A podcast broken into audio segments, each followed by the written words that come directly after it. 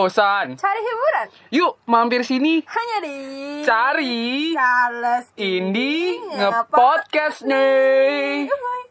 kita bakal bahas hal yang lagi hits hits banget sejagat. Apa hal yang lagi hits banget itu adalah Bittersweet by Najla. Oh iya gitu, itu enak banget sih. Iya, karena itu di mana-mana, enggak di mana-mana sih sebenarnya di Jakarta dan di Purwokerto ya, masyarakat Di Purwokerto. Blitar juga ada. Masa? Ada bohong. Bukis. di mana-mana ada.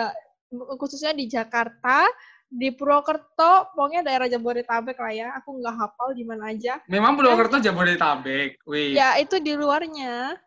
Yang Ah, pokoknya di oke. mana-mana ada karena apa? Karena viral di sosial-sosial media.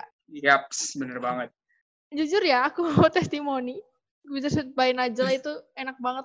Aku yang paling suka itu yang milk bed, yang keju itu.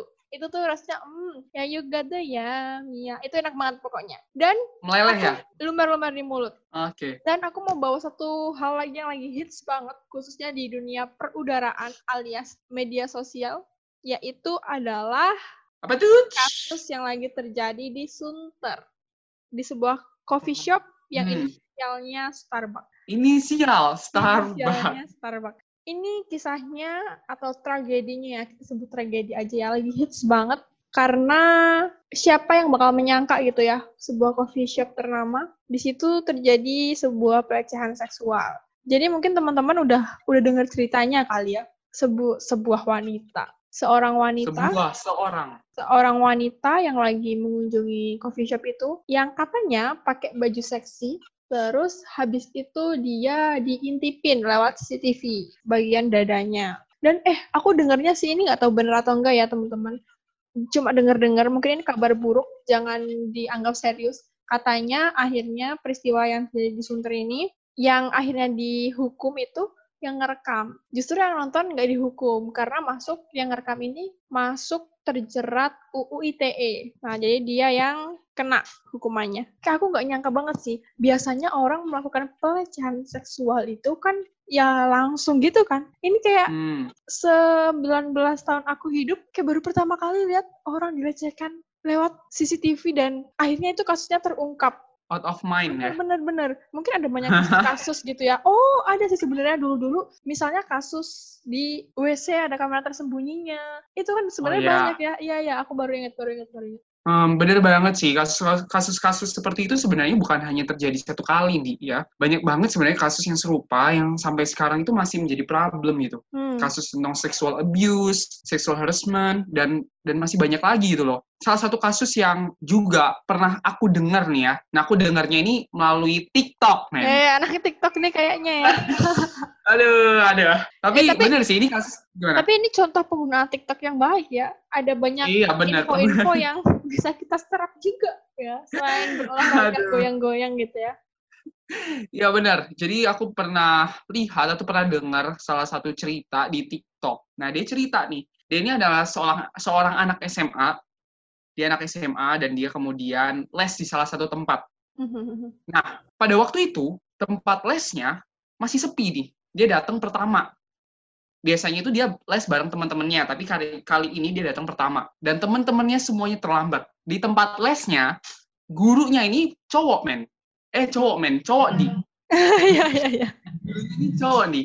Guru cowok ini kemudian minta dia duduk di sebelah gurunya nih. Paham nggak? Jadi Mm-mm, uh, pertamanya dia itu maunya duduk di belakang, Heeh. tapi gurunya itu minta, tetap maksa, ayolah duduk di sebelah. Oke, akhirnya dia karena dia pikir oke lah masuk akal, mungkin dia pingin ngajar dengan lebih close lah, lebih deket lah. Oke lah nggak apa-apa. Akhirnya dia pindah nih, dia pindah duduk sebelah gurunya. Nah di sini nih kejadiannya. Dia waktu itu pakai celana pendek. Jadi ketika dia duduk, karena sudah celana pendek, celananya ikut naik juga dong kan? Ya, iya kan? Jadi ketika kita duduk kan kalau celana pendek pasti akan naik gitu. Benar. Nah, itu kan kelihatan nih pahanya. Apa nih yang dilakukan guru lesnya? Guru lesnya ini ya, lihatin terus dong selama dia les. Hmm. Jadi selama dia les itu dia liatin terus pahanya. Nah, akhirnya dia tutup eh, si si cewek ini tutupin. Aku kalau jadi Tutupin sih pahanya. risih banget sih ya. Iya, bener-bener. Dia akhirnya tutupin pahanya dengan buku. Eh, guru lesnya bilang gini, jangan ta- jangan taruh di situ lah eh, bukunya. Kamu nggak bisa belajar. Pindahin. Akhirnya gurunya pindahin dong. Gurunya pindahin langsung. Hmm, hmm, hmm. Terus setelah itu gurunya tetap lihatin. Parah banget sih. Pahanya. Jadi itu benar-benar apa ya? parah banget gitu loh. Bahkan di tempat les-lesan yang seharusnya apa ya, aman gitu ya. Hmm. Sebuah tempat les yang aman, itu malah menjadi sebuah tempat pelecehan. Dan apalagi itu bersama guru gitu ya. Guru, orang yang sangat dipercaya, bahkan orang tua itu mempercayai guru ini. Mm-mm. Menurut aku, banyak banget kasus kemanusiaan yang udah dunia ini alami. Contohnya, rasisme, penjajahan, dan yang lagi hits banget, nggak kalah hits sama Bittersweet by Najla itu, ini nggak lagi menyenangkan ya. Cuma emang lagi hits-hitsnya. Itu adalah pelecehan seksual. Hits dan sangat menggelisahkan. Dunia hari ini sibuk banget dengan pertanyaan siapa sebenarnya yang salah, korban atau pelaku. Sampai pada suatu hari nih, Alas, aku waktu itu lagi gabut-gabutnya, akhirnya aku buka IG.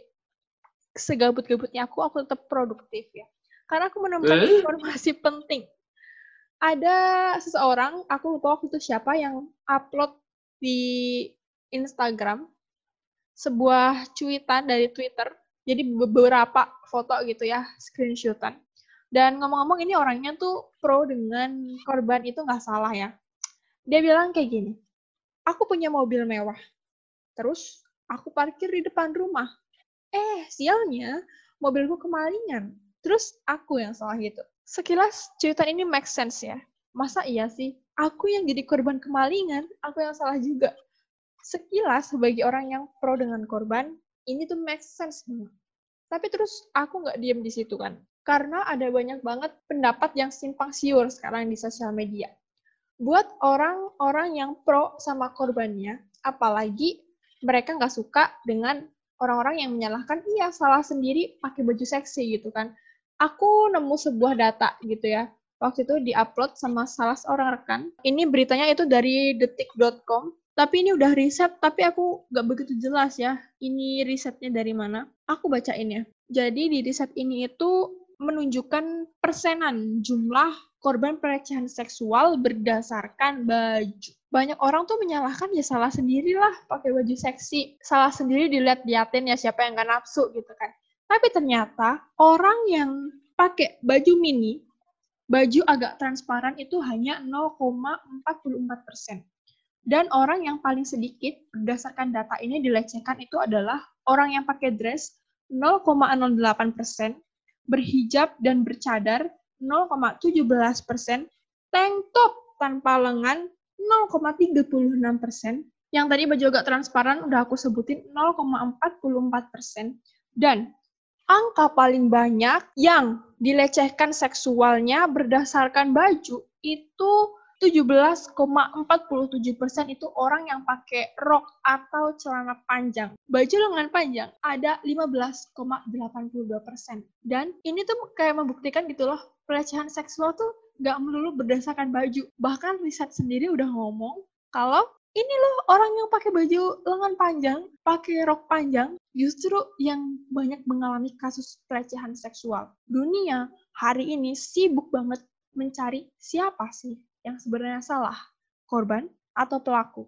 Bener banget nih, dunia sekarang itu sibuk mencari siapa yang salah sampai sampai lupa gitu ada sesuatu hal yang esensial di balik semua itu. Sebagai pemuda yang berbudi pekerti luhur nih ya, aku mau menyuarakan pendapatku karena gue nggak mau nih, gue nggak mau kalau kalau kita hanya berfokus pada problem siapa korban siapa pelaku.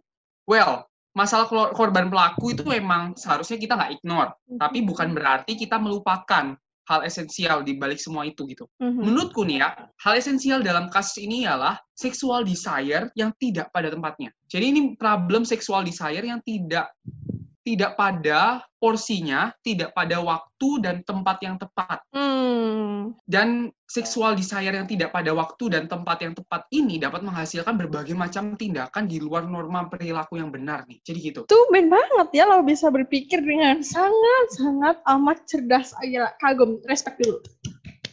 Respect, respect, respect. Menurut aku ya, terlepas dari tingkat kecerdasanmu, pandanganmu ini menarik banget. Kamu mention satu kata tadi, kalau nggak salah sexual desire ya? Ya, bukan satu kata dong.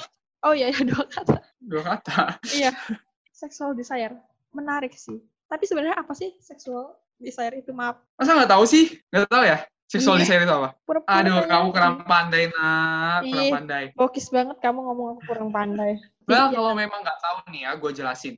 Jadi sexual desire ini merupakan sebuah dorongan yang ada di dalam diri manusia dengan sebuah tujuan. Jadi ada tujuannya nih sexual desire. Tujuannya adalah untuk menjaga keberlangsungan hidup manusia di dunia ini. Seringkali nih ya, kita memandang sexual desire dalam sudut pandang negatif. Hmm, Namun, kalau kita lihat tujuannya yang tadi aku bilang untuk menjaga keberlangsungan hidup manusia di dunia ini, kita dapat menyimpulkan bahwa sexual desire ini merupakan sebuah gift, signature gift yang Tuhan berikan kepada manusia. pasti maksudnya keberlangsungan yang kamu maksud itu adalah menghasilkan keturunan ya.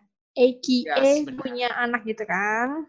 Ah, ah, benar. Jadi aku nangkep maksud baik kamu menjelaskan si sexual desire itu. Hmm. Sebenarnya sexual desire itu merupakan hal yang sangat baik karena Tuhan kasih dengan tujuan yang juga baik, yaitu biar Yes. manusia bisa punya anak kan. Ah, aku jadi ingat sesuatu nih. Sexual desire itu bagi aku sendiri ya hal yang sangat amat penting dalam kehidupan kita. Terutama setelah kita nanti berkeluarga. Walaupun aku ber- belum berkeluarga, tapi karena banyak Hmm. belajar, sexual desire itu hal yang sangat penting. Karena bayangin aja gitu ya, kalau misalnya kita menikah, tapi kita nggak kita nggak punya sexual desire gitu. Hmm, benar.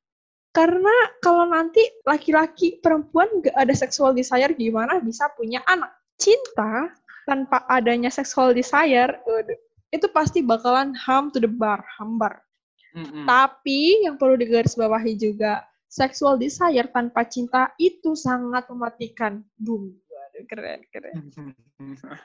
keren, keren, keren. Oh ya, by the way, aku jadi inget nih, sexual desire ini juga berkaitan dengan segitiga cinta. Ada yang tahu segitiga cinta? Taunya cinta segitiga sih ya. Ini Sakit. segi sakit ya cinta Hmm. segitiga.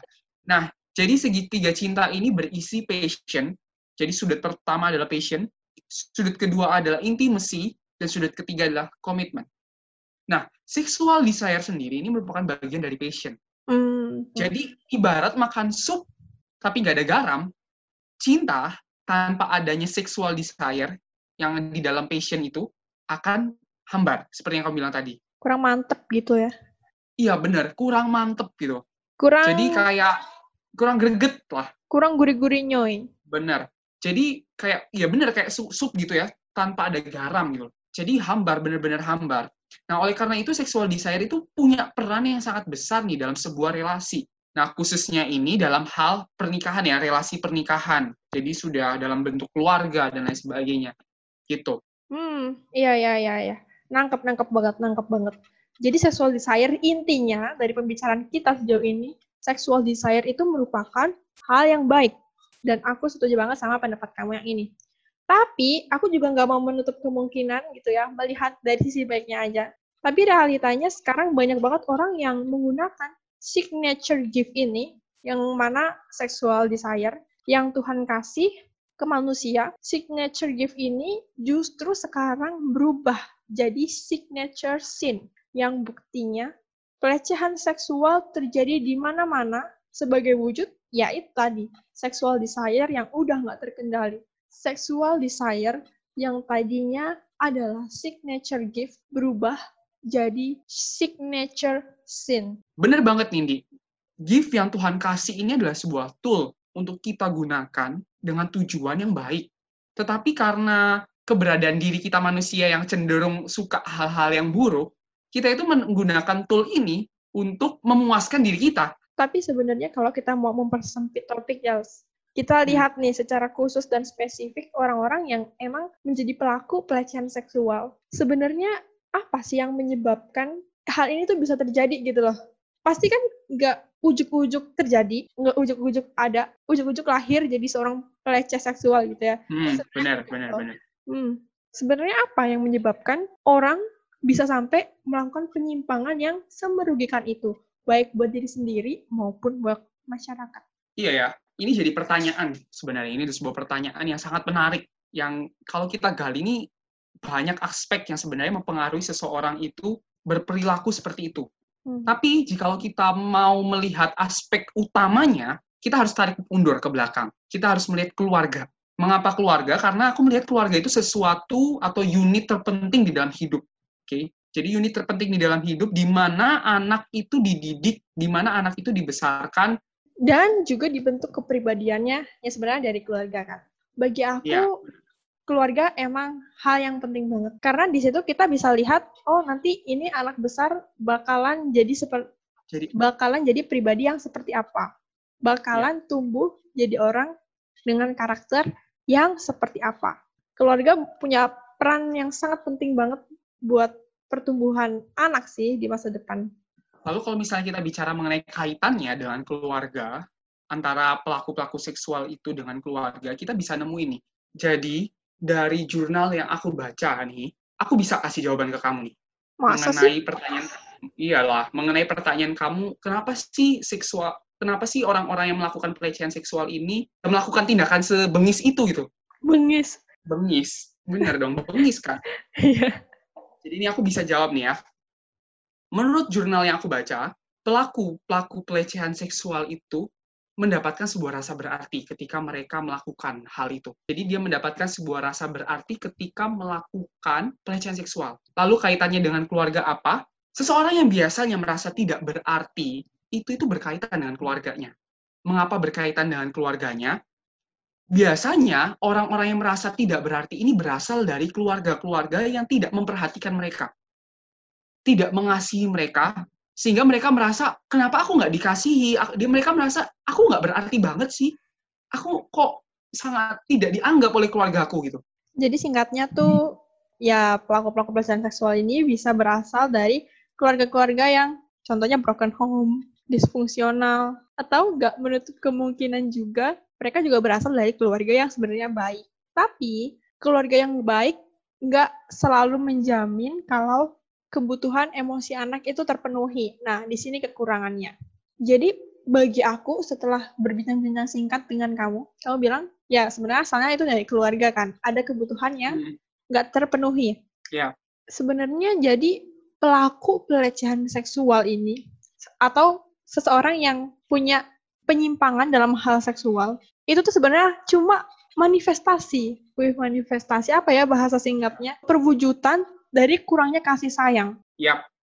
Kayak ini tuh apa ya?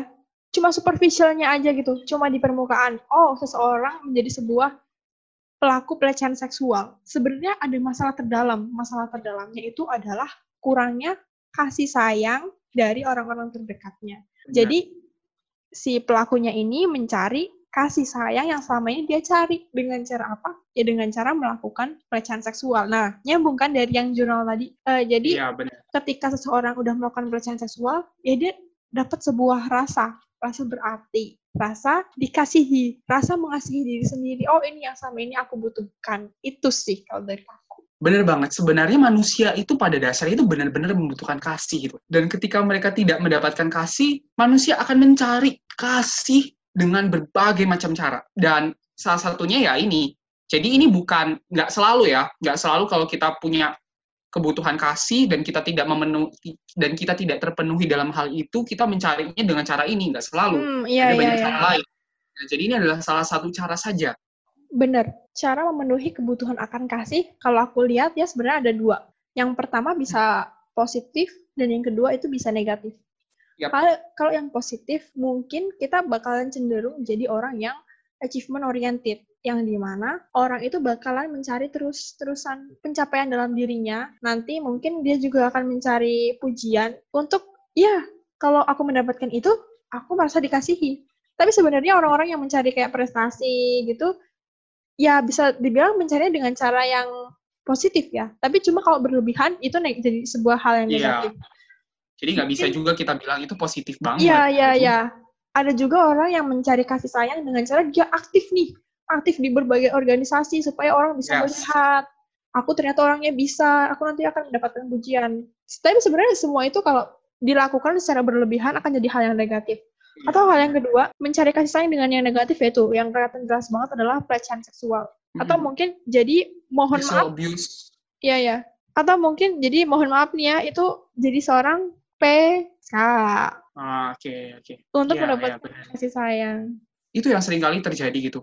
Ketika keluarga tidak memenuhi kasih sayang seorang anak, anak akan mencari kasih dengan cara yang lain, dengan cara yang mereka pikirkan bakal works bagi mereka.